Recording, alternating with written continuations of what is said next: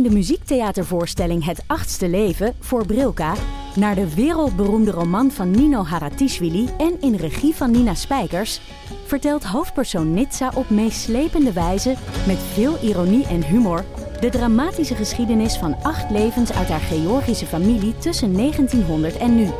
Een hartverscheurend en tegelijk troostrijk drama verteld vanuit het perspectief van vrouwen uit verschillende generaties. Waarbij het publiek meegenomen wordt op een emotionele, visuele en muzikale reis door de 20ste eeuw.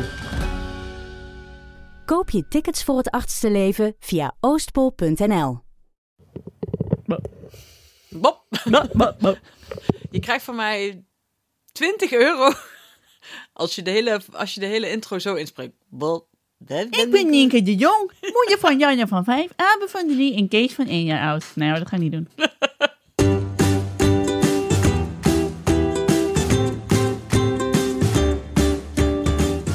ben Nienke de Jong, moeder van Janne van 5, Abe van 3 en Kees van 1 jaar oud. En samen met Alex van der Hulst, vader van René van 10 en Jade van 6, Hanneke Hendricks, moeder van Alma van 5 en Anne Janssens, vader van Julius en Doenja van 2 jaar oud, maak ik Ik Ken Iemand Die. Een podcast over ouders, kinderen, opvoeden en al het moois en lelijks dat daarbij komt kijken. Hier, hier. Heer, heer, heer. Waar gaan we het over hebben vandaag? Ja, We hebben vandaag een special. Zo, zijn wij stil eh, We zijn stil en jij vertelt, dat is het. Nee, we hebben, lieve luisteraar, we hebben vandaag een special. Dat gebeurt niet vaak, maar de- we hebben een special. Deze special heet de Schoolreisjes Special. ah ja, Dat klinkt toch leuk, hè? dat is leuk. En dat is allemaal naar aanleiding van eh, Anne Janssens. Ja, Anne, jij hebt, eh, jij hebt eigenlijk eentje van Nou. het team genomen, hè? Zeker. Of Alex, wat wil jij Oh ja, zeggen? ja. Nou, zei jij? Nee, het, be- ja, het begon daarvoor al. Oh, Want, het broeit eh, al langer, eh, wij hadden eh, toevallig gisteren ook een, ges- een gesprek op school. Want eh René is de groep 7 en dan krijg je voorlopig schooladvies. Dus Spannend. ik vroeg in de appgroep, moet ik al een, een advocaat in de hand nemen? Ja. Want dat schijnt te moeten. Dat zei, dat zei de, de docent gisteren ook. Ja, ouders reageren soms wat raar op het advies, zei hij. dat lijkt me een understatement. ja. Maar hoe reageerden jullie? Oh, we, dat, eh, we waren blij eigenlijk dat alles eh, goed ging met René en dat het ze eh, vooruit gaat al die jaren en eh, nou, dat ze blij is op school. Dus, eh, en het advies was wel een beetje zoals we hadden gedacht. Dus wij waren eigenlijk wel al heel, heel blij en tevreden. Goed. Ja, en dat zei de docent ook. Prima, zorg dat je niet op je tenen hoeft te lopen op school. Dat heb ik, moest ik wel, dat was ook helemaal niet leuk. Nee. Eh, en verder eh, gaat het toch altijd zoals het gaat. Een hele fijne leraar is het trouwens. Ze het komt allemaal, het gaat toch altijd zoals het gaat. Je kan het toch allemaal niet afdwingen. Nee. Maar Maar weet je al van ouders uit de klas die wel een advocaat hebben ingeschakeld? nee, dat, dat weet ik niet. Die contacten hebben we ook niet zo goed. Maar, ehm, maar goed, we hadden dat gesprek en toen zei Anne: Je moet sowieso een advocaat vanwege de Rome-reis. ja. En ik zei: Maar ja, heb je bij En ik- VMBOT ook een Rome-reis dan? Maar uit. Je moet nu al klagen Al- over de Rome-reis. Je moet Precies, zo vroeg zei Anne, je moet sowieso klagen over de. Rome-reis. Welk advies je ook krijgt over de Rome-reis. Nee, ik denk dat jij een, een advocaat in de arm moet nemen voor het Openluchtmuseum in Arnhem. Dat zal het. eh, Ja, want in, Ven- in Venlo, had- ik bedoel, ik zat op de haven Rome? in Venlo. Wij gingen nooit ergens naartoe. Ik was wel op Rome-reis, zei ik toen. En ik vond er niks aan. We hebben 200 kerken gezien in eh, zeven dagen. En toen zei Niet Anne, stiekem eh, gezopen Anne, op de kamer s'avonds. ook dat? Nee, we gingen gewoon buiten, buiten de deuren zuipen. Oh ja, dat kon Mocht toen gewoon- nog, als je 16 We mochten was. gewoon, we mochten gewoon uit, we mochten gewoon de deur uit. Ja, wij ook. Ja. Als, je maar op, als je maar weer terugkwam. En, ehm, en toen zei Anne dat hij ook zo'n Rome-reis had gehad. En daarna kwam er iets van nog 80 reizen die hij datzelfde jaar had gehad. Ja, want dat was wel even een kleine pennenstreek van, eh, of een penseelstreek van het beeld van Annes jeugd in Amsterdam. Ja, Want het is echt, eigenlijk. Het Het was eigenlijk één groot nee. schoolreis. ja, Heb heeft jij die ooit in jongen de wel schoolbanken in de gezeten? schoolbanken gezeten? Precies, dat wil Ja. ik net zeggen. Rijke luis, jong. Bah! Precies. Dat is het achtste vinkje. Ja, nou, voor die schoolreisjes. dat- dat- dat- twee vinkjes erbij, eh, vind ik. Twee vinkjes. Want ja, hoe langer ik erover ging nadenken, hoe meer reisjes me ik er ineens herinneren. Die ik al had, half had verdrongen eigenlijk. Ja, en, en, en gek genoeg had je bij elke reisje een verhaal over een meisje dat je had getonkt of waar je overheen had gekotst of die het uit had gemaakt. Dat was een Ja. beetje de samenvatting. Ja, zo heb ik ze onthouden in mijn hoofd, in mijn geheugenpaleis. En bij ons ging alleen het gymnasium naar Rome. Eén keer in de Ja. drie jaar. Dus dan de, de bovenbouw gymnasium ging dan naar Rome. Eén keer in de drie jaar? Ja, want dan ging allen. 4, 5, 6 ging met z'n allen naar Rome. er staat wel- jaar. Wel voor mij reden zijn om een advocaat in de hand te nemen. Maar goed. Dat dacht ik wel. Dit was Friesland, dus nog een heel eind rijden naar Rome. Rustig aan. En, en je had vijf mensen in het gymnasium, dus met z'n... Ja, nou, Precies. Oh, Nou, drie ze waren al lang er blij dat ze 15. een klas konden vullen met al die domme Friesen. Ja. nou goed, ik was dus niet één van hen. ik was te dom voor de Waar Rome. gingen jullie heen dan? Hongarije. Ik Wat? ben met Olaf Strafkamp? Koens in een busje nog. Ik ben met, Hongarije, met Olaf Koens in een busje naar Hongarije gegaan. Maar om gewoon smokkelwaar op te halen of zo? Of- Nee, dat, ja. Oh, nou, dan heb ik je, heb je me. Ja, want wij zaten op de grens van eh, Hongarije en Slowakije. Daar hadden we een of andere zusterband mee, zeg maar, de scholen. Daar gingen we al jaren naartoe. En ik zat eh, als enige van de twee van de groep, zeg maar, in Slowakije bij een gastgezin. Een vreselijk gastgezin trouwens, echt. ugh. Wat, dat Ik was een dus- schoolreisje naar Hongarije, maar ze hadden jou naar Slowakije gestuurd. Ja, ik zat in Slowakije. Ik moest elke dag de grens over. Wat echt vet was. Ik moest elke dag mijn, mijn, mijn paspoort laten zien. Ja, nee, ik ben, kreeg ik weer de stempel. Mocht ik weer door. Dit, maar dit is na de val van, de, van het communisme. Hè? Ik bedoel, het was gewoon 2002 uit mijn hoofd. Ja, was Ik wonderlijke snap hier echt tijd. niks van. Maar- Nee. Ja, dat Ook dat jij zo jong bent, vergeet ik altijd. Echt, hè? Ik ben zo jong. Maar dat was Hongarije. En eh, daar kreeg eh, Olaf die kreeg nog verkering met, eh, met Anna. En eh, dat was een heel leuk meisje. Anna uit Hongarije. Anna uit Hongarije. Wauw. Ah. Ja. Daar begonnen. Daar is Ja, Daar is een, daar is een gekomen. internationale blik begonnen, inderdaad, bij de, bij de Hongarije-reis. Anna. Maar dat was Maar altijd waarom- superleuk. Die Hongarije-reis was echt het leukste van alle, uitje, of alle reizen die je kon hebben. Want eh, wij gingen in drie busjes. En eh, kleine busjes. En eh, Teun, de, de baas van de onderbouwbar, die ging ook altijd mee als chauffeur. En die was vroeger vrachtwagenchauffeur geweest. Dus die had nog van die bakkies. Dus wij hadden alle drie zo'n bakkie in het busje. Dus we zaten de hele dag met elkaar te ouwe nelen. Oftewel, ik zat de hele dag te ouwe nelen. Was ik Ja, gewoon podcasten af alle letteren. Ja, precies. Die andere busjes werden knettergek van mij. En oh, ik was ook de enige die nog twee cassettebandjes had meegenomen. Dus, eh, en we- de busjes hadden geen airco. Dus ik heb eh, met 35 graden en eh, een, een slapende achterbank... heb ik samen met meneer Berghout van Tekenen... Happy New Year van ABBA mee zitten zingen. Nou, het was een heerlijke reis. En breakie breakie geroept door de, geroepen door, de, door het bakkie. Breakie breakie. Is dit, bestaat deze route nog steeds of is deze smokkellijn inmiddels door Interpol opgedoekt? Eh, sinds Olaf er is geweest hebben we daar geen activiteit meer op eh, ondernomen. Want eh, nou ja, dat, het kan nu, nu kan het niet meer. Hij is nu te bekend. Ja, ja, ja. Maar Olaf en ik zijn in de tussentijd nog jarenlang heen en weer gereden, inderdaad. Ja. Hey, over domme Friesen gesproken.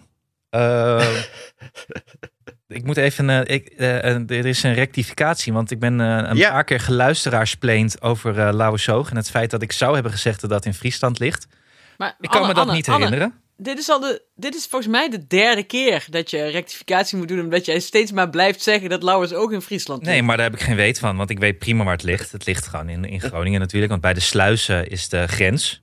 De drie sluizen. En dan krijg je altijd eh on-chain, hoe heet dat? Dag. Ja, heel Het goed. Ja, ja, ja. En dan, eh, maar ja, ik wilde maar zeggen, kijk, waar, waar, waar het hier misgaat. Mijn activiteiten als ik daar ben, spelen zich veelal plaats in het Oost-Friese deel. Want dan ga ik naar Anjem en dan ga ik naar Dokkum en dan een beetje fietsen langs Pearsons, eh Pearsons Moddergat daar. Dus daar vinden mijn activiteiten. Ik ga minder naar Zoutkamp en Ulrum, alhoewel ik een keer op de koffer heb gestaan van de Ulrumer Courant. Dat is wel lang geleden, maar wel de koffer gehaald. En, en ook, en jij bent natuurlijk wel de ambassadeur van Zoutkamp in Nederland. Ja, dat, is ook. Ik, waar. bedoel, ik, heb, ik begin Zoutkamp steeds meer te begrijpen. Maar dat komt gewoon, weet je, wijsheid komt met de jaren. En ik zie nu in dat dat inderdaad gewoon ook mooi is. Maar ik ben meer gehecht aan het Oost-Friese deel. Vandaar de verwarring. Vergeef me de Het is verwarring. beste eigenlijk luisteraar. zo- Ja, ja. Eigenlijk zo. ga jij, eigenlijk ga jij naar Hongarije op schoolvakantie, maar jouw gastgezin ligt in Slowakije. ja. nou, we zijn weer rond. Ja. Maar ik vind het ook wel weer, ja, jij als, als Lauwers oogversteer, Zeker. vind ik toch wonderlijk dat je, als je dan denkt aan de hoogtepunt daar in de regio, dat je dan eerder zegt Anjem dan Zoutkamp. Ja, maar kijk, de, wat er is in Anjem, daar is een mooie molen. Die vinden we leuk. En daar doen we gewoon onze boodschappen. Dus daar ben je dan vaker. En ga je dan naar de vogelpit? Nee, de co-op. Oh, de vogelpit is de vogelopvang. Ik dacht, misschien ga je daar ook nog wel naartoe. Wat, wat moet ik nou weer met de vogel Ja, opvangen? wat Nou, moet jij ja. nou bij de vogelopvang? Er, zijn altijd, er, wordt altijd, het is altijd, was altijd op Omroep Friesland, daar werden altijd de met olie besmeurde meeuwen naar binnen gebracht. Bij zo'n hele grote vrouw met blond haar, die dan weer zei van, het is weer een bende. Zijn kind net. Wat voor een chemie. Met de better think op het milieu. Nou, dat is de Oh ja, de Pieter. Buren is natuurlijk ook aan de Groningse kant. En Dat begint ook al steeds meer in trek te raken bij de kinderen. Dus ik denk dat ik langzaam meer verschuif naar de Groningse kant. Maar goed, Maar dat dus, dus voor hebben. alle luisteraars, we- voor eens en voor altijd duidelijk. Anne weet heus wel dat Lauwersoog in Groningen ligt. Ja, geen Maar zijn hart ligt gewoon meer in Friesland. Is zo. Ja. Nou, Ja. hebben we dat ook Nou, weer gezegd? opgelost. Want Fijn. mijn opa en oma die woonden ook altijd aan die Oost-Friese kant daar. Hè. Dus daar kwam ik dan ook weer goed. Oensjerk. Oensjerk, skitterend. Dat is wel mooi.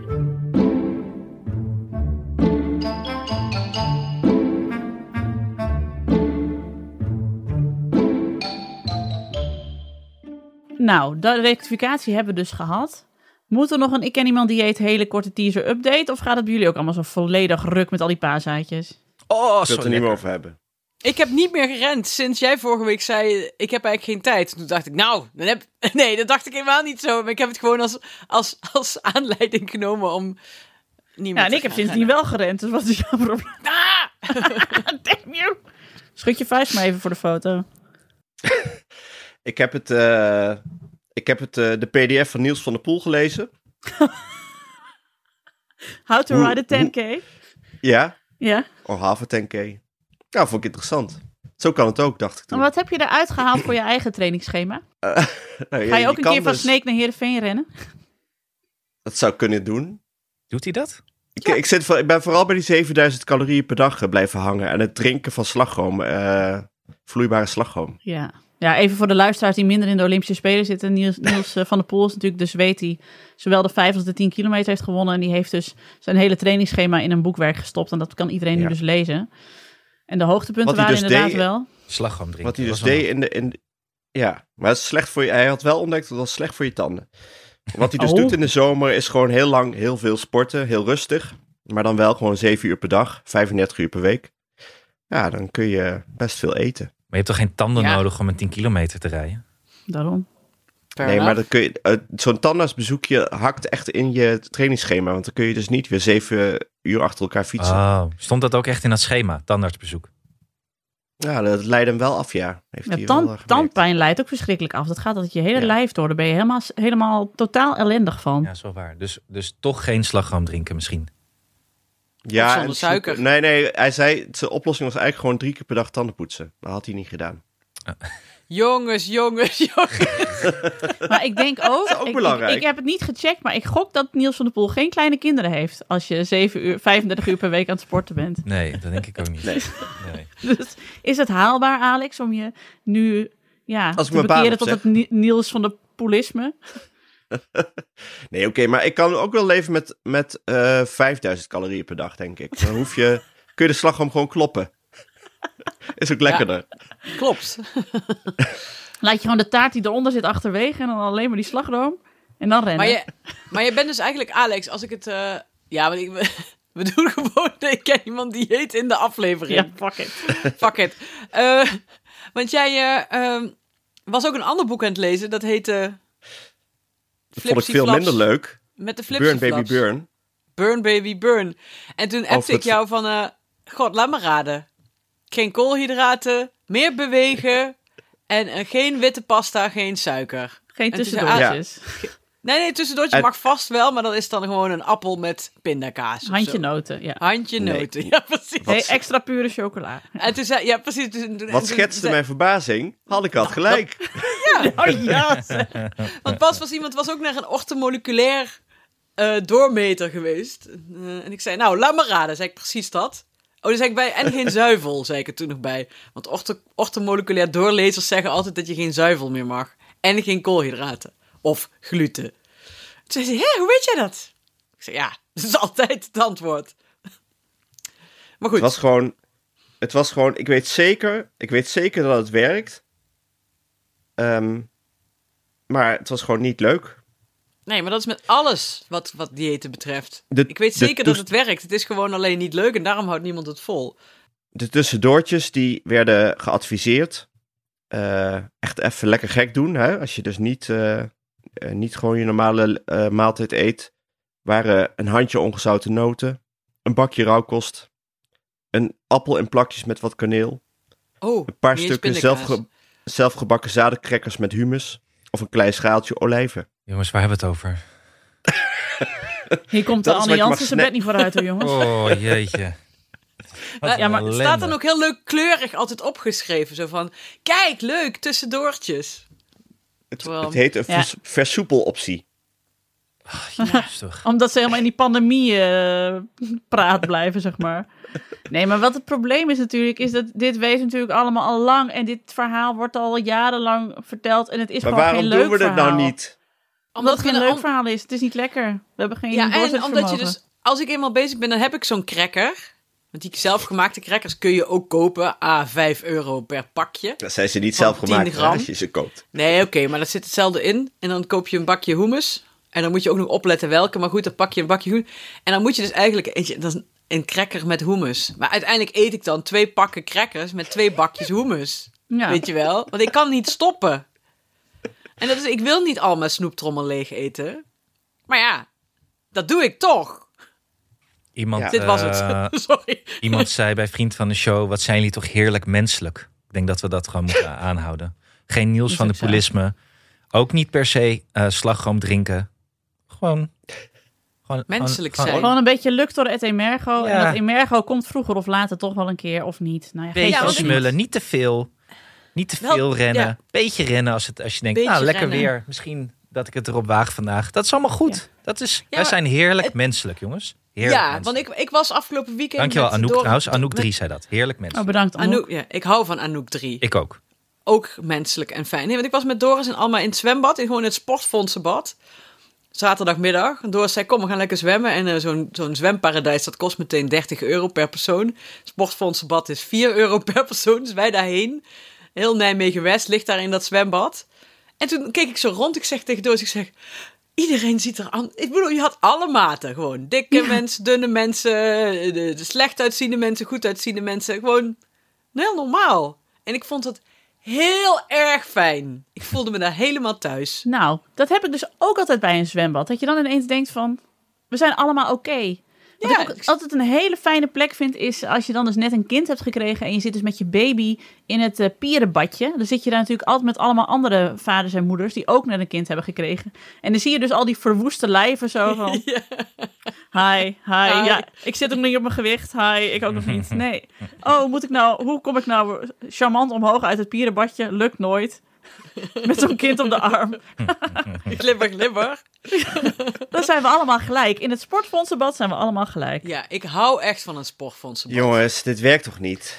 We gaan, zo, we gaan het zo nooit We redden, moeten, maar ons, we moeten onszelf verbeteren. We moeten... We moeten eh, Is ook Anders. zo. Je hebt gelijk. Maar met ons zijn er dus miljoen mensen die dit ook de hele dag zo tegen zichzelf roepen. Onderwijl de snoeptrommel van haar dochter leeg ik eten. vind het... Ik, moet- ik ga straks... Ik moet straks nou, nou moet ik straks weer Arie Booms maar kijken... om toch nog een beetje motivatie te krijgen. Want ik ben niet veel te tevreden hierin.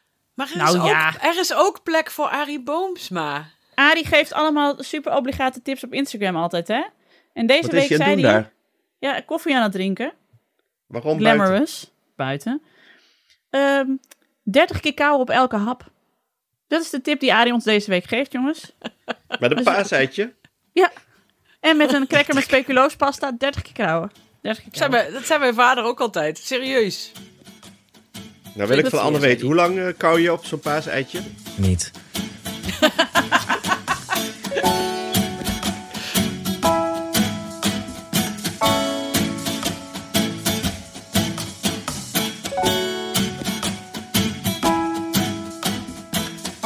Oké, over, over naar de schoolreisjes. Ja, ik zou het graag even met jullie willen hebben over schoolreisjes. En dan eh, ook het schoolreisje waar ik zelf op ben meegegaan met Julius klas, waar ik me voor had aangemeld. Ik heb de content opgezocht. Ja, want dat wil ik even, even vaststellen. Jij Ja. bent meegegaan op schoolreisje. Enkel en alleen zodat je er vandaag in de die over kunt praten. Zeker, ja. Ja, je Wa- moet waarvoor af en toe dan? het experiment opzoeken. Klopt. Dus Heel ik doe mee aan het experiment. Want wat was het geval? De klas van Julius zou naar het concertgebouw gaan in Amsterdam. En er waren ouders nodig om ze daarheen te rijden. Dus eh, ik meld mij aan. Ik heb een auto. eh, met dank aan Auto.nl, gezinswagen van de show. Vrolijke auto met ik en iemand die logo erop. Ik dacht, nou ja, daar moeten kinderen in. Ik ga met ze naar het concertgebouw. Dus ik heb me aangemeld. Eh, ik krijg vier kinderen toegewezen. Waaronder mijn eigen. En drie extra. Ging allemaal prima. Ging allemaal prima. Was echt heel erg leuk. Ze gingen naar het concertgebouw. Iets Jongens? Wat zei je? Vier jongens? Nee, drie jongens en een meisje. En die was natuurlijk het meest luidruchtig, eh, luidruchtig van iedereen. Tuurlijk. Meisje. Ja, joh. Die dictateerde alles. Welke liedjes er geluisterd moesten worden. Wie waar moest zitten. Eh, er waren crackers gevonden achterin de auto. Die doen je had laten liggen. Die ging ze verdelen. Eh, dus ik had een kleine Mussolini achterop. Of een soort Nienke de Jong. Nou, ik wou zeggen inderdaad, alsof ik mezelf voor. Die vroeg waar is het bakkie?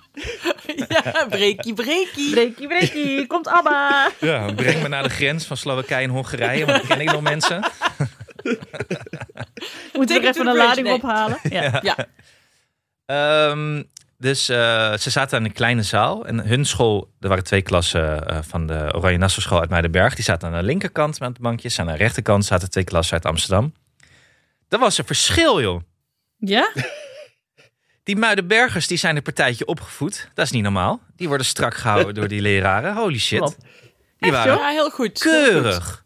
En die eh, mensen aan die andere kant schreeuwen, jongen. Er tussenheen blaren. Wat een nare kinderen. Ah, Nou, mijn, mijn broer zei dit dus laatst. Die woont in Amsterdam. En die zei dus van... Ik vind de kinderen in Amsterdam veel brutaler dan wij vroeger. Dat, dat de kinderen allemaal dan dingen tegen... Als er dan vriendinnetjes komen spelen of zo...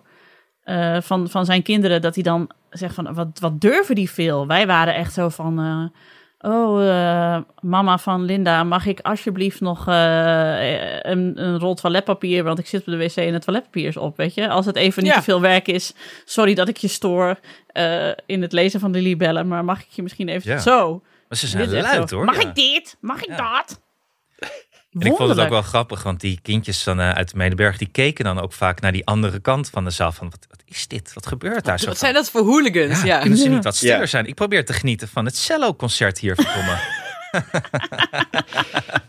Die man komt dat met een een soort- contrabas op en je zit er doorheen te blaren. Ik, de contrabas. Ik wil luisteren naar de contrabas, man. En Julius is dus eigenlijk in een half jaar al gewoon totaal geswitcht van Am- Amsterdams kind naar Bijdenbergs kind. Helemaal geswitcht. Wat goed. Helemaal geswitcht. Hij is een soort, eh, soort, soort bejaarde in de stiltecoupé. Zo, zo maar kijken. echt, ja, ja. En eh, de kindjes uit Meerderberg hadden ook de liedjes geleerd die er werden gezongen. Dus die zongen heel Voorbereiding, heel goed. en rustig mee. En toen waren zeg maar de kindjes aan de andere kant stil. Want die hadden totaal niet voorbereid op de hele zaak. Die kenden het liedje niet.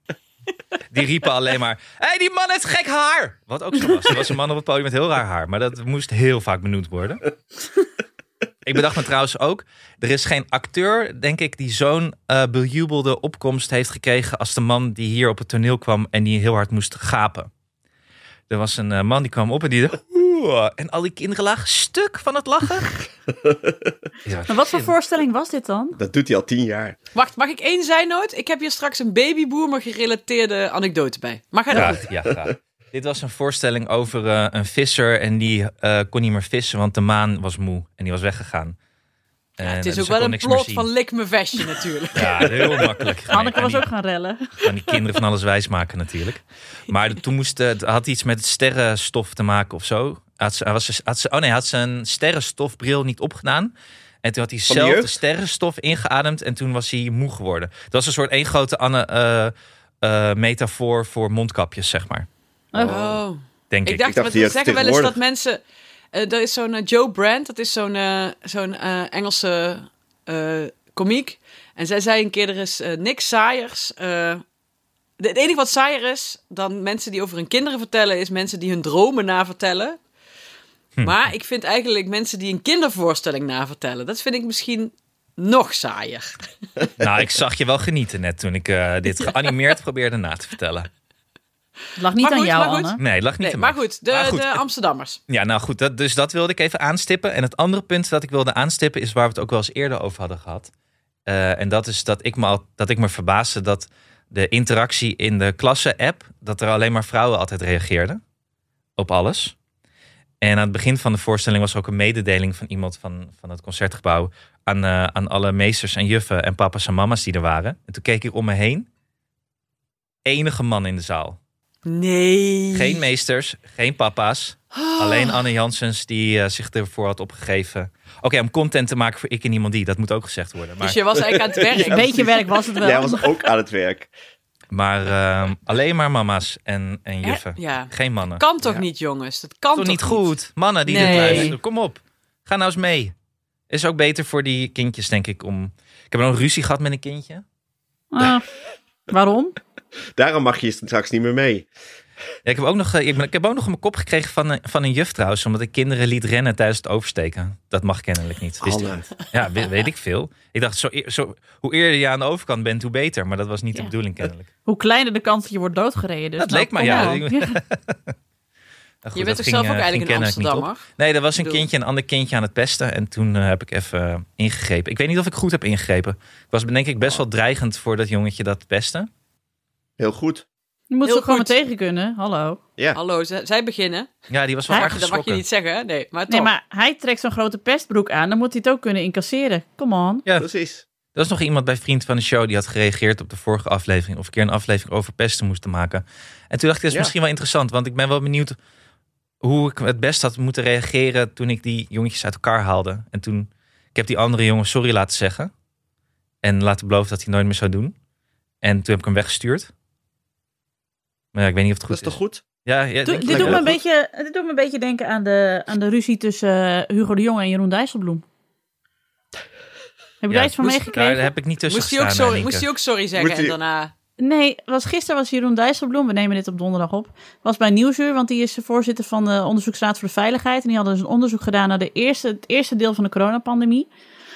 En hadden dus geconcludeerd van, als er weer een pandemie komt, dan moeten we het volgende even anders doen.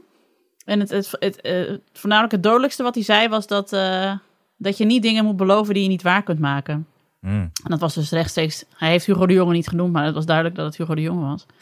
Maar Hugo de Jonge had dus al gereageerd met een brief waarin helemaal stond van... Ja, en achteraf is het mooi wonen. En jullie hebben al die mensen allemaal achteraf geïnterviewd. Dus dat is helemaal niet waarheidsgetrouw. En dat doet lekker zelf beter als je het zo goed weet. Dat zo'n brief was het. Dat doet me dit een beetje aan denken. Ja. Ja. Nou, dat weet zou ik sowieso goed vinden. Dat, ze, dat, ze, eh, dat iedereen gewoon af en toe een hand geeft en sorry zegt. Ook Twan Ja. Huis en Joris Luijendijk samen. Nou, dat was ook inderdaad Sorry. apart. Ja. Je moet altijd Dit- sorry zeggen, toch? En dan weer verder. Je moet wel sorry zeggen. Ja, maar ook in de Ja, Tweede dan- Kamer vind ik. Sorry. Sorry. Ja, moet je nou, ja, maar als je, het- sorry als je het niet meent, is eigenlijk dodelijker. Hè? Je moet het Ja, wel maar dat vind ik wel, wel... Nee, maar dat vind ik ook leuk voor de camera. Ook in de Tweede Kamer, dat ze bij de Kamervoorzitter de, een beetje staan te dralen zo. Ja. Ja, dat- Ja, dan sorry. zeggen... Oké, Sorry. Ja, ik, hoor, ik versta je niet. Zeg eens wat luider. Sorry. En nou zeggen alsof je het meent. ja, Geert, je zegt niet meer net te gek. Oh, sorry. Nee. Ik vind dat scheidsrechters bij voetbal dat ook moeten eh, Ja, doen. ja, ja. Ja, Dus zeg even sorry, geef een handje, handje. even een knuffel en dan kunnen we weer verder. Anders gaan we Ja, niet Maar volgens mij zijn allerlei, allerlei basisdingen qua... Want wat je het had over, over eh, kinderen uit Amsterdam, als je daar dan... Dat ze dan eh, of zei Nienke, zei jij dat? Van, eh, dat, dat ze zo onbeleefd zijn als je daar dan komt eh, met spelen en zo. Hmm. Want ik, moet- hier in het dorp moet je ook, en dat vind ik heel goed, als je weggaat, moet je ook zeggen tegen Ja, de ouder die er is en tegen het kind, bedankt je wel voor het spelen. Ja. Ja. Maar dat dus is dat niet vind ik per ook se dat- iets wat ze niet in, in Amsterdam niet doen, denk ik hoor. Nee? Nee, dat doen ze daar ook wel. Het is niet, het is niet een soort vrijstaat, maar er gelden daar ook gewoon de algemene kleuterspeelregels. Je wordt er niet uitgetrapt of zo. Nu oppleuren, die tijd zit erop. Nee, dat gebeurt niet hoor. Dat, ik heb een mandarijn Ja, in je hoofd hier. Dat ze dan roepen, dat die kinderen En dan dan roepen, ja, volgende je- keer weer eh, snoep eh, aanleveren, ouwe. ja, en niet die vieze, goedkope dropjes, maar echt eh, zure matten. Hey, later, later pik. Laat een pik, ja. Je Ik wilde- Doris nergens zo kwaad mee krijgen als dat je, hey, pik, zegt Ja. in een gesprek tegen iemand, alsof dat grappig is. Oude pik, oude pik. pijp. Oude pik. Pas deed ik zijn autodeur open toen hij thuis kwam. Soms kom ik hem eh, grap, ophalen van de oprit. Toen zei ik, hey kap. Toen was hij ook echt boos. Nee, maar ik wilde het dus hebben over eh, pestkind, over Amsterdamse kinderen zijn luid, over er waren alleen maar vrouwen mee. En ik wilde nog iets. Oh ja, dat wilde ik ook nog voorleggen. Want ik zag Julius al een beetje op die bank schuifelen tijdens die voorstelling. Dus toen we klaar waren, zei ik al, moet je niet plassen? Er is gewoon een wc. Hij zei nee. Ik zei, maar ik denk dat je moet plassen, want ik zag je al een beetje wiebelen. Hij zei, nee, ik wil niet naar de wc. Ik zeg, weet je het zeker? Want volgens mij moet je plassen. Nee, papa, ik wil niet naar de wc. Oh, Oké. Eh, rijden we terug in de auto naar Muidenberg. Is er gewoon een kind. Heel goed, je hebt, de, je hebt zijn authenticiteit eh, bewaakt. Dat is- Zeker, ja, ik ga hem niet dwingen. Nee, maar dat, is- dat is, nee, maar Nee. serieus. Nee, nee, dat, maar dat Mia gaat zei ook niet. ook van had je hem niet gewoon op die wc moeten zetten? Nou, dat is een logische vraag. Maar toen dacht ik, ja, nee, dat, dan ben ik, eh, dat, dat, dan zet ik hem een beetje verschut ten opzichte van die andere kinderen. Dat lijkt Ja. me ook niet handig. Nee. Maar ja, wie, wie plast er op mijn achterbank in zijn broek? In de gezinswagen van de show van Auto.nl. Ja. Ja, Julius Janssens. Ja, dat was ik best wel pissig. Ja, vond ik echt niet leuk. Pissig. Sorry. Pissig, ja. Toen moest ik ook nog met al die kinderen eerst langs mijn huis rijden om weer een eh, reservebroek op te halen. Oh, ja. Was ik niet zo, ja, maar, maar eh, toch, nee, niet maar zo toch leuk. Anne, eh, natuurlijk is het effectief jouw schuld, maar als een andere, nou ja, als een andere ouder had gereden, had hij daar misschien, of had hij misschien niet durven pissen op de achterbank van iemand anders. Ja, dat, dat weet ik dus ook niet. Maar het is dus wel goed toch dat ik hem niet op die wc daar heb gezet en heb gedwongen om Nee. te gaan plassen, of niet? Schaamde ik die dat wel moeten doen? die... eh, hey, sorry, Abe komt er even bij. Ja, die Ja, hoorde die wel- waarschijnlijk dat het over in je broek plassen ging. Dus hij dacht, hé, hey, daar hoor ik bij. dat, is, dat is mijn dependance. Abe, zeg maar eens in de microfoon. Plas jij wel eens in je broek? Nee. Nee? Heel oh, goed, heel goed. Tuurlijk. Ja, heel goed. Ja, nee, maar ik, eh, nee, als Alma zegt ik hoef niet, dan gaat ze ook niet. Dan, eh, dan zet ik er ook niet, eh, ja, Nee. heel Nou. soms zeg ik nee, je moet nu even gaan zitten, want we moeten Wat tien uur in de losjes, auto. eh, Hanneke, van jou. Ja, anders pak ik er bij de nekgreep en dan eh, sleur ik er zo de play op. Nee joh. Nou, wij doen meestal gewoon eh, wie het eerst bij de wc is. Dat, is, dat werkt eh, bij Abe nog wel goed. Dus dan eh, doen we gewoon wedstrijd. Ja, competitie. Nou, het is een kind van zijn moeder. Dus eh, er moet een wedstrijdelement in zitten. Ik, eh, Abe, ik hoor dat Beppe jou roept. Die zegt, kom maar schat. Ja, we gaan naar beneden. Ja, Mama is aan het werk. oh, moet- En anders moet anders moet? Jeroen dit er allemaal weer uitknippen. Mama is Ga keihard naar geld aan het verdienen. Doei, schat. Ja, daar gaat de hechting nu Ah, hè. Hechtingsproblematiek. Oh, niet meer nadoen. Nee, ik mag je niet nadoen. Nee. Zie je? Cookie. Ah, hey, met Nienke. het hoofd tussen zijn schouders. Trauma. Ja, Trauma's. Ja, voor eeuwig. Ja, nou, hij heeft Wel goed het, dat de eh, luisteraar dit nu live meemaakt. Hoe zo'n kind gewoon buiten zijn eigen authenticiteit wordt gedwongen. Dit is echt, Afgesneden van de moederwarmte. Die Ja. Zo Slovaakse, die Slovaakse opvoedmethodes zijn dit. eh Wacht even. Deur open We hebben de laten. deur dicht, zo, hop. wegwezen. Ja, dit, is, eh, dit kent ze uit, die, uit het grensgezin nog van vroeger. Ja, Oh, exact. Die heb ik meegenomen uit Slowakije. Nee, maar Hop, de grens over. als ik, iets, als ik Abe de Lauw op een manier moet typeren, dan is het inderdaad, hij heeft het fanatisme van zijn moeder, maar hij heeft ook het acteervermogen van zijn moeder. Dus hij zit eh, zes keer per dag, doet hij zo. "Oh, oh." En eh, hij zegt tegenwoordig altijd, jij bent niet meer mijn beste vriend. En het schilderij is niet voor jou, want hij heeft een schilderij gemaakt op, op school en hij is er zelf zeer tevreden over. En eh, hij had het voor ons allemaal gemaakt, maar dat is dus echt een beetje onder voorbehoud. Want als je iets doet wat, wat hem niet aanstaat, dan roept hij heel hard, het schilderij is niet van jou! dan moet je echt zo op het erg. Dat heb ik inderdaad ook van die, van die eh, tekeningen die van eigenaar veranderen de hele tijd. Af en toe wordt er iets doorgekrast. Nou, dan is het weer niet meer van mij. Ja. Ja. Ja, Alma heeft ook wel eens een hele boze. Ze had zichzelf in bed getekend. En zoals ik al eens heb oplopen scheppen, ze kan heel goed tekenen. En dan zo'n mannetje erbij met een blauwe spijkerbroek en een zwarte trui met krullen en een baard. En die dan heel boos keek met van die tandjes, weet je wel. Dat was toen papa boos op mij was, toen ik gewoon in bed lag. Weet je wel, zo heel alsof ze, alsof ze niet dan echt een enorme kermis heeft lopen Ja, maken om zo, 11 uur sta ik, s'avonds. zo, zo sta ik nu ook in het rapport van jaren. Dat ik eh, in de avond geen sommen voor haar wil maken soms. Keihard. Hey, maar moet je Ja. hem niet gewoon lekker achter de scoola zetten, eh, Nienke? Zeker, hij kan Ja. lekker achter de scoola. Ja, want het is dus eh, we hebben, het is een heugelijke maand voor ons. Want eh, eh, in maart gaat Abe wennen op school en 28 maart mag hij voor het eerst naar school. Nee joh! En hij heeft zijn klas toegewezen gekregen. Hij, heeft, hij kent zijn juf al. Hij Ach. komt bij zijn beste vriend in de klas. Daar is hij heel blij mee. Bij Milo. Maar ik, ja, want ik heb echt het idee dat hij zo ongeveer bij, in groep 2 instroomt.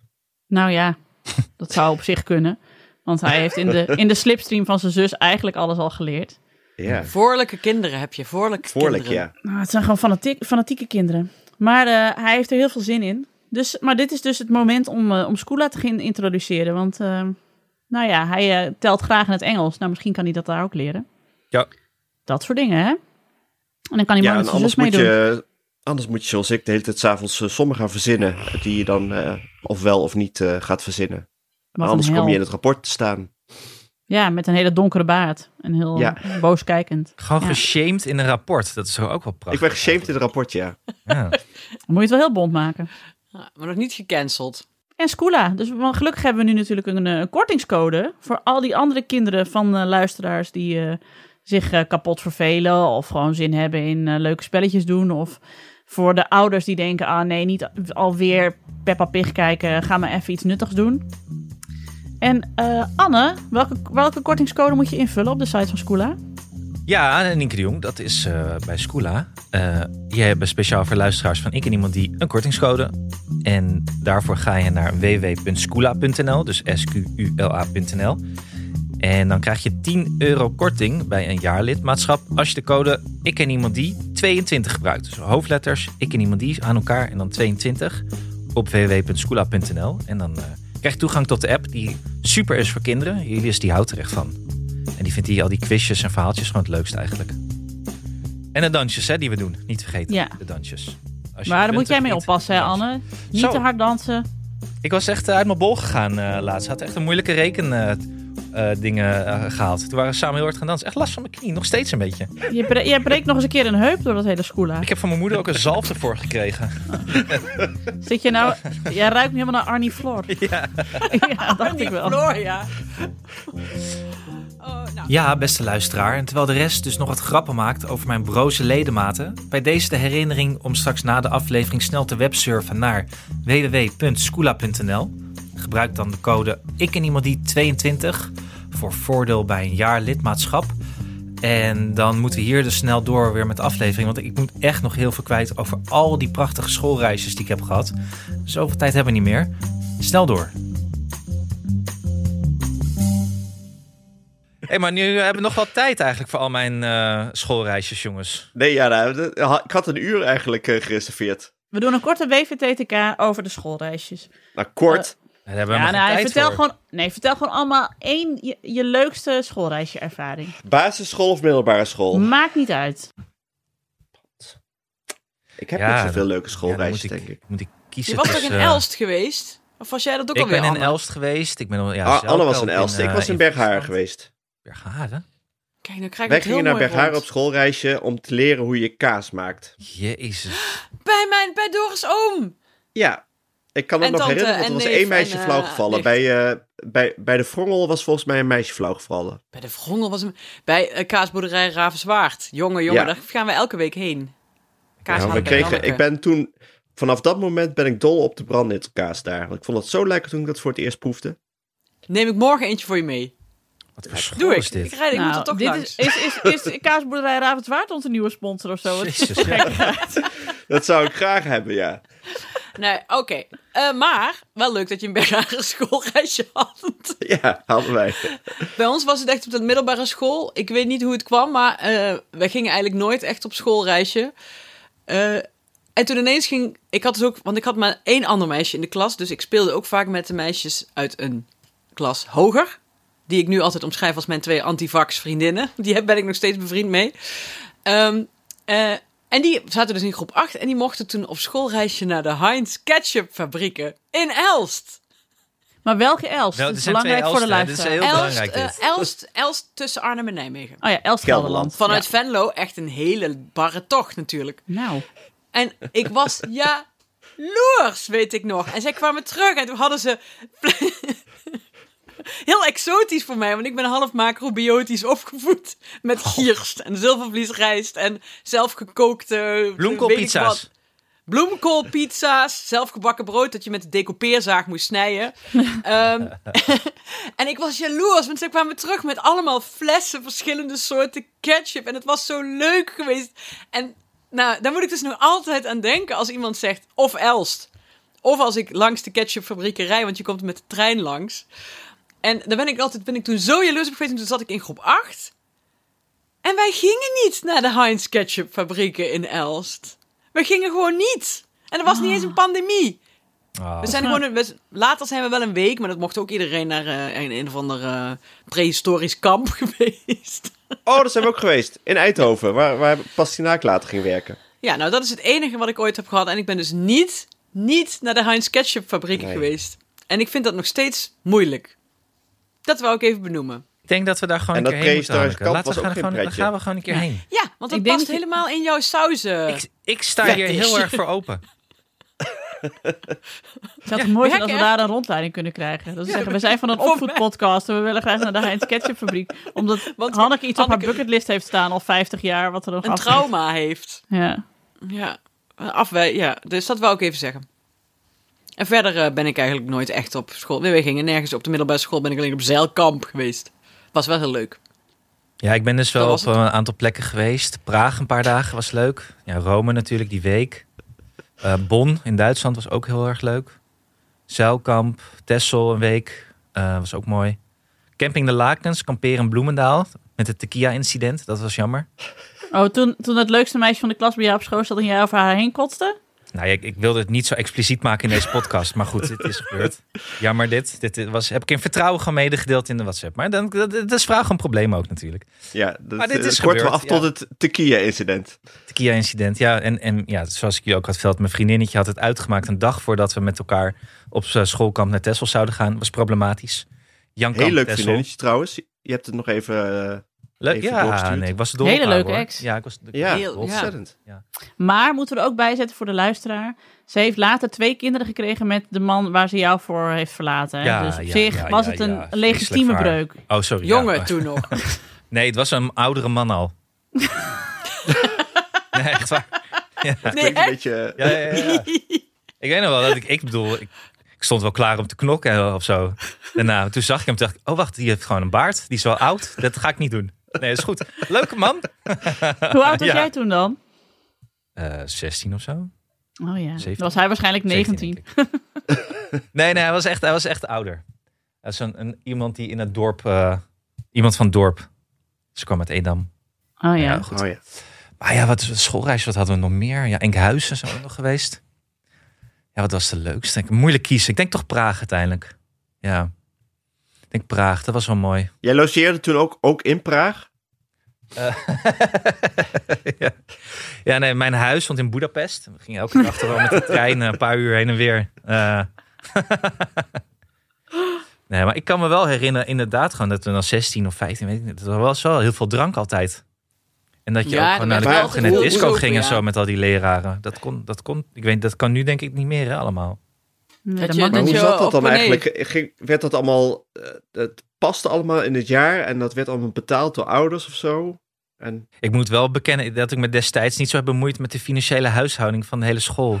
Eh, dus Maar dat was allemaal goed geen- intern geregeld op de Ventener van Vlissingen school uit Amsterdam. Of ja, ik weet het. In, in, Clement en August Brennickmeijer. Ja, daar verbaas ik me toen wel. In, in Rome kregen we zakgeld ook mee van, eh, van de school. Elke dag kregen we gewoon geld. Kan ik me herinneren. En ik weet nog dat ik dacht, wat moet ik hiermee? Ik heb genoeg. Ik heb, ik heb heel veel in mijn port. Maar ik was daar wel, had ik ook... Wat? Nee, nee, nee, ho, ho, ho. Je zei, wat moet ik hiermee? Wat moet ik hiermee? Ja, Met deze flappen, Moet jongens. moet ik dan zelf betalen? Ik heb er zelf Zijn het lieren? gekeken. Maar ik was Lieren? dus in ja, Rome, Lieren? ik vond dat ook saai. Maar daar was ik dus ook gerold. Dus daar was het ook gewoon goed dat we elke dag geld kregen. Want daardoor eh, had ik gewoon wel heel veel nog steeds om te besteden. En toen heb ik dus Maar moest je- een, eh, moest- iemand moeten aanrennen, een Italiaan moeten aanrennen die er vandoor was gegaan met mijn rugzak. Maar die had ik weer teruggekregen. Oh, Ah, God. Anne, jij moet een volière gaan aanschaffen voor je vinkjes, denk ik, ondertussen. mijn vinkjes verleren. het lijkt wel een aflevering van de Kloof. Maar ehm, tussen, Ja, tussen precies. niet... Hanneke Hendricks uit Grubbevorst ging niet naar de Heinz en is daar nog steeds treurig over. Terwijl Anne Janssens uit Amsterdam echt waar gewoon een Geld soort, kreeg eh, wat hij half niet de nodig wereld had. rond is zal ik het gereisd. nog erger maken? Nienke de Jong uit, eh uit Sneek, die moest in drie Atheneum zelf haar weekendje weg met de klas naar Borger regelen, omdat de school het niet deed. Ja, ja, en dat vind ik wel zo mooi aan jou, Nienke, dat jij dat zegt op 14-jarige leeftijd. Of wat zei je? 16? Ja, dan regelen we het zelf wel. Ik doe het wel. Maar wij gingen ook inderdaad, we zijn een keer naar Kamp Westerbork geweest met geschiedenis. Moesten we ook fietsen vanaf Borger, geloof ik, naar Westerbork. En ik weet nog precies dat meneer Brandsma van geschiedenis in zijn auto de stationair achteraan reed. Achter ons. Wat een luie zak was dat, zeg. Wij allemaal in de regen, in onze regenpakken richting Westerbork. Precies echt het weertype voor een bezoek aan Westerbork.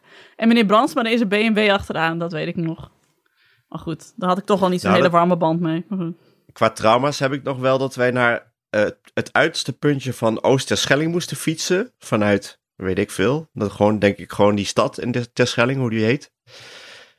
En dat we ook echt pas helemaal op het puntje iets te drinken kregen.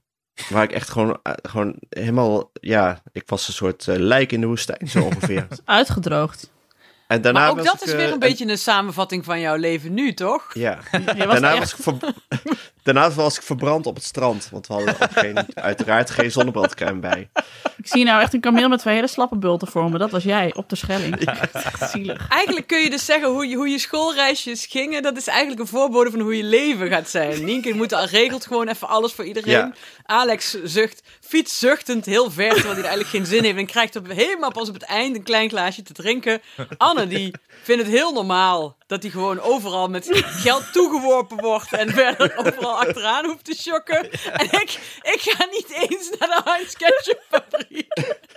En kun je, daar kun je ook je hele leven niet overheen zetten. Dat is ook Nee. typisch. Dat, dit is je verwachtingspatroon voor de rest van je leven. Van ja, het zal Ja. weer... eh, Ik snap nu waarom mensen een advocaat in de arm nemen als het gaat om schoolreisjes. Ik ga dat ook doen.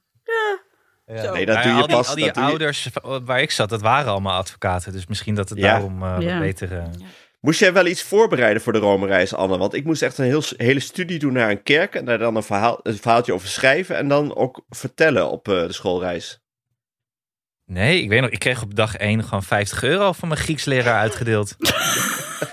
Gaan we iets leuks doen. Hele En toch vond je dat een saaie reis. Huh? En toch ja, vond je ik dat vond het wel saaie saai. reis. Ja, ja. Ik zat daar niet lekker in, in die reis. Dat zeker weer iemand het met je uitgemaakt. Ah.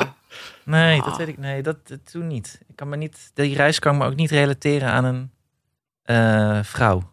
Ja, behalve dat ik met eh Sophie van de Stap op at, eh, eh, in een kerk in ga- door gangen waren gelopen waar we niet mochten komen. Dat was wel heel spannend. Dit, heb is, dit was jouw name drop. Ik had mijn name drop. Dit is jouw name drop. Sophie ja, van toen, de Stad. ja, Sophie van de Stap. Ja, daar, kwam- dat- daar moest ik weer aan herinneren toen we hier het over hadden. Eh, omdat we ook nog op eindexamenreis naar Jurette Mar waren gaan. Dat was ik helemaal vergeten net in de opsomming. Maar ehm, Ja, maar dat is niet echt dus niet schoolreis, want dat moet je zelf toch ook regelen. Of regelde de school voor jullie ook nog die reis naar wel. Mar en kreeg je geld mee? Wat was dit? Nee, er was een eh, commissie voor. In eh, eh, de zesde klascommissie. Die deed dat. Waarschijnlijk ook een docent die dat dan Ja, uiteindelijk dat heeft weet ik eigenlijk niet hoe dat precies werkte. Als, Nee, als je eindexamenreis exemplarisch is voor je leven daarna, dat zou ik ook wel snappen inderdaad. Want Oh ja, ik, ging, want dat- ik ging naar Blanes met negen vriendinnen en we zijn er twee weken lang geweest en niemand heeft gezond. Wij gingen dus serieus met z'n Oh. tachtigen naar Jorette Mar. Oh, Oh, nee, als dat betreft, onze eindexamenreis was zeilkamp. En al mijn vrienden van de HAVO, die, niemand wilde op zeilkamp, maar ik wilde wel. En toen ben ik in mijn eentje meegegaan. Met een beetje de rommelboot, wat half havisten was, half gymna gymnasiasten. Waardoor de gymnasiasten de boot hebben gevaren. Ik meteen beste vriendinnen werd met, beste vrienden werd met iedereen van de HAVO op die, was een clipper, clipperkamp. We hebben de hele, eh, de hele, het hele kamp op, op het dek liggen roken, terwijl de, de, de gymnasiasten de boot voeren. We zijn beste vrienden geworden en uiteindelijk heb ik gezoend met iemand die met de achternaam Van Beest heette. Dus ja, Nice. inderdaad wel een samenvatting voor de rest van mijn leven. Ja. ja, dat klopt wel inderdaad. aardig, ja. In mijn eentje ergens naartoe, vrienden gemaakt, gekust, op, op Roken. het dek liggen roken, lekker gegeten. Ik denk dat eh, Ja. de theorie wel opgaat van, eh, van jullie. Ja, Ik zou dit ook graag van de luisteraars willen horen op Vriend van de Show Ja. in de comments. ja. Eh, Ik wil jullie- graag heb nog weten... wel reis en ervaring. En of het exemplarisch Ja. is voor de rest van je leven. Ja. Ja, En of je over iemand heen hebt gekotst. dat is Ik ook heb nog wel één herinnering van de terugreis eh, uit Rome. Want wij moesten dan weer zelf onze eh, eten regelen voor die busreis terug. Ik kreeg gewoon hele menus En- aangereikt in die trein, weet ik nog. Ja, ik snap het. Nou, wij, wij, ik met een vriendje naar een supermarkt. Wij konden, snapten er allemaal niks van. Een of ander brood gekocht en opgegeten. En toen gingen we nog eens kijken, toen we buikpijn kregen. Toen bleek het een afbakbrood te zijn. die dus, die dus in, in onze buik begon op te zwellen. Dus ik heb een hele misselijke terugreis gehad. Dit is ook typisch voor jou. Ja, je exemplarisch. helemaal Ja. opgegeten. Ja, Ja. bleek afbakbrood te zijn. Ja, vier- 24 uur lang eh, buikpijn gehad in die, in die bus. Ik zat dus in dat Slovaakse gastgezin. En daar hadden ze super goor eten. Daar hadden ze echt. En ik moest daar dus. Dan had ik daar 's ochtends al mijn ontbijt. En dat was dan meteen met worsten en zo. Daar kon ik helemaal niet tegen. En ze hadden van die yoghurtjes, van die kleine yoghurtjes. Die waren allemaal over datum. Dus die waren al aan het schiften. En als ik ergens. Ik lust. Was Yakult, dat is gewoon... Nee. dat- Ik lust, dat hadden ze in, in Slowakije niet, Yakult. Dus even normaal. Het was, de muur was net gevallen. En, maar ik ging dus braaf dat de hele tijd opeten, omdat ik dacht, ja, maar ik ben te gast, weet je. Nienke, verman jezelf. Dus ik zit echt te kokken aan het ontbijt, maar ik at het op. Toen kwam die meid natuurlijk, op een gegeven moment, dat is uitwisseling, kwamen ze bij ons in, eh in Sneek. Toen kwam zij bij ons en toen heeft ze een week lang niks gegeten van wat mijn moeder voor haar gekookt had. En dan zei ze alleen maar, ik esse dat niet, ik loese dat niet. Zo zat ze dan. En ze zat de hele tijd in de badkamer zichzelf op te tutten. En voor de rest zei ze niks tegen mijn ouders of mijn broers. En toen was ik zo teleurgesteld dat ik dacht, weet je wel wat ik allemaal voor jou heb gedaan? Ik heb al die kutjoghurtjes gegeten. Ik heb met je ouders zitten kletsen terwijl ze me totaal niet boeiden. Maar boeit niet, want dat doe je, want je bent aardig en voorkomend. En zij deed helemaal niks terug. Ik had echt na drie dagen helemaal geschoten met ze niet Daar is Eh, jouw mensenhaat eh, begonnen. Ja. Zeker. Was ze niet getonkt En met met je? Wantrouwen. Met de, met de moeder Nee, van ze was eh niet zo knap. Pogacar. Ze was niet De zo moeder knap. van Pogacar, ja. de zus, ik zat met de zus van Pogacar, ja. Je rammelt, merk ik nu pas, Nienke. Wat rammelt er? Je hebt altijd? Nienke rammelt. Nee, Oh. dat is gewoon die koptelefoon. Je zou, al, je zou al zes weken terug een nieuwe bestellen. Ja, en, het, eh, en het, het waait nogal hard en ik zit boven in het huis. Ik moet die nog bestellen, Moet ik er eentje naar je opsturen? Doe nee, gewoon. ik doe het wel. Maar Hallo. eh, dat geldt terzijde. Je weet toch wat ik verdien? Even voor de luisteraars. We hebben voordat we begonnen met opnemen tegen elkaar verteld hoeveel we verdienden. En ik kan je zeggen...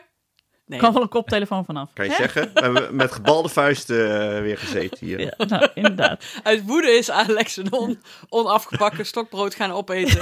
en nou heeft hij buikpijn. Ja, dat ga Ja, ik weer doen, ja. Er zijn er wel een paar voor wie een extra vriend van de show donatie welkom zou zijn. Eh, Ja, precies. Ja, in ieder geval voor... eh, ah, nee. Ophouden Je nou. moet iets, iets heel armoedigs laten zien, maar dat heb ik hier niet liggen. Eh, Hé, maar Anne, ga jij, wat, wat wens je jouw kinderen toe eigenlijk aan schoolreisjes? Hetzelfde of toch iets minder?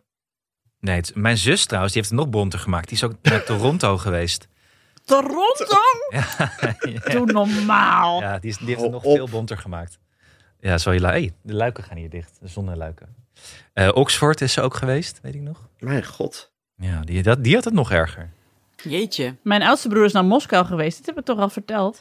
Dat Maar- hij in Moskou was op zijn zestiende. Wat Met zijn, wat- wat zijn dat voor communistische invloeden allemaal? Ja, aan die ja, ja, is er? Veel in Oost-Europa. Nee, Groningen, maar- Friesland. Want onze natuurkundedocent die had dan weer contacten in Moskou. Dus zij gingen daar dan met de natuurkundeklas naartoe. Contacten. En wij hadden, ja, ik maak nu even een knipoog.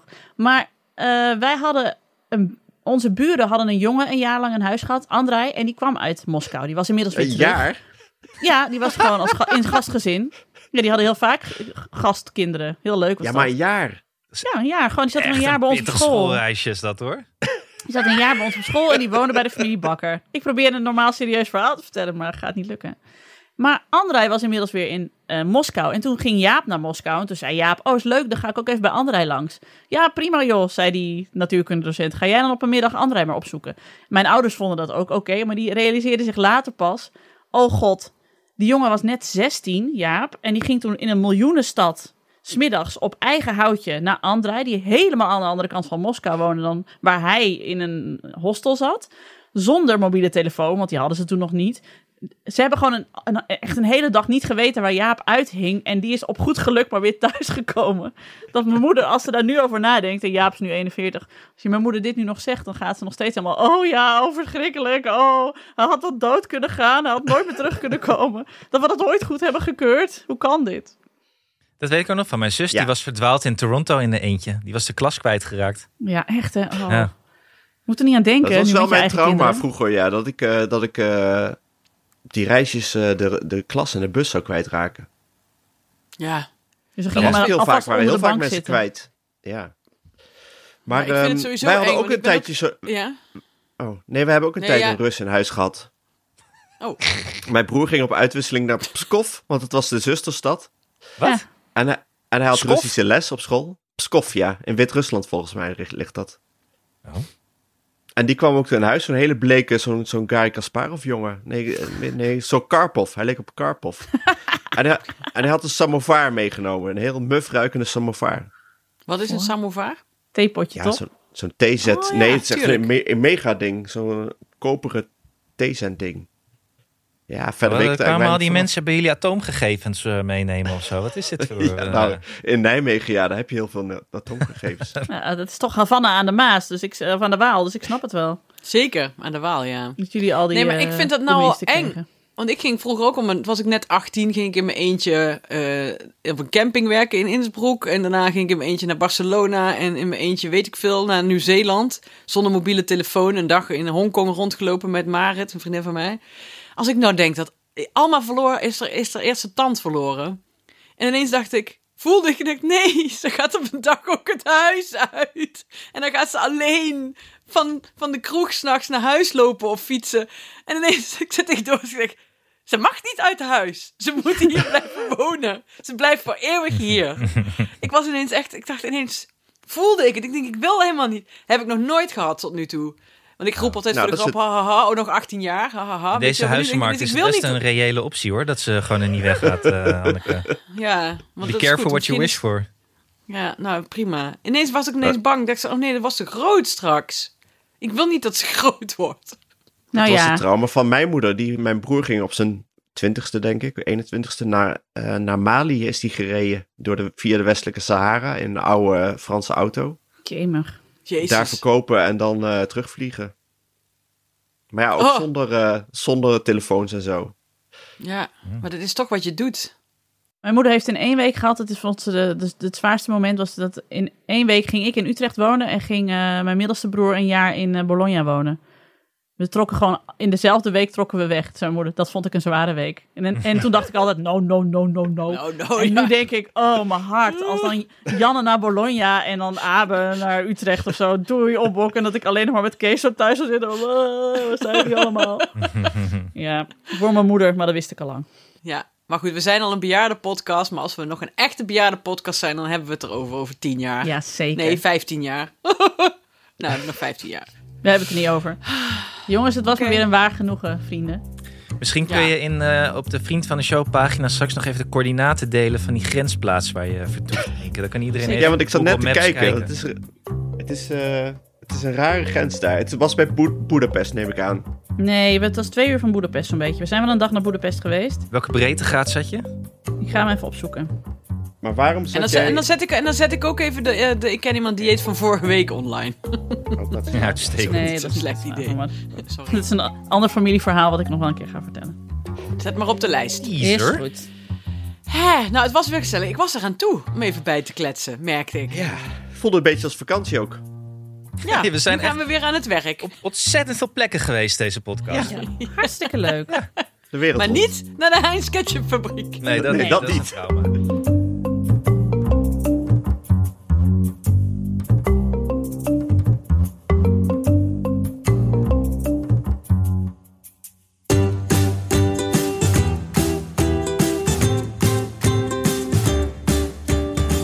Was hem weer. Dank aan mijn vaste tafelgenoten Alex van der Hulst en Hanneke Hendricks. De productie was in handen van Anne Janssens. De montage is gedaan door de getalenteerde Jeroen Sturing. Mocht je ons iets willen vertellen, heb je een tip of een vraag of een opmerking, kom dan naar onze Vriend van de Show pagina. Voor een klein bedrag kun je vriend van de show worden, waardoor je ons de gelegenheid geeft om nog meer mooie afleveringen te maken. En op Vriend van de Show kun je onze spin-off Ik Ken Iemand Dieet volgen, al waar we allemaal weer heel erg dik aan het worden zijn. Op Twitter heten we @ikkenniemandie en ons mailadres is ik@dagenacht.nl. Dank voor het luisteren en tot de volgende. Dag. Hoezeetjes. Joejoe. Doei, Joe, schatten. was weer gezellig. Dag, Doei. Dag, dag, dag.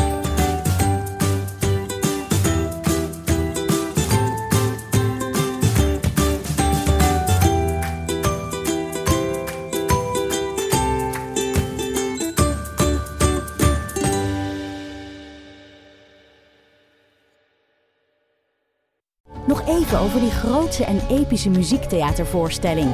Het achtste leven voor Brilka is een marathonvoorstelling van 5 uur. Koop je tickets voor deze bijzondere theateravond via oostpol.nl.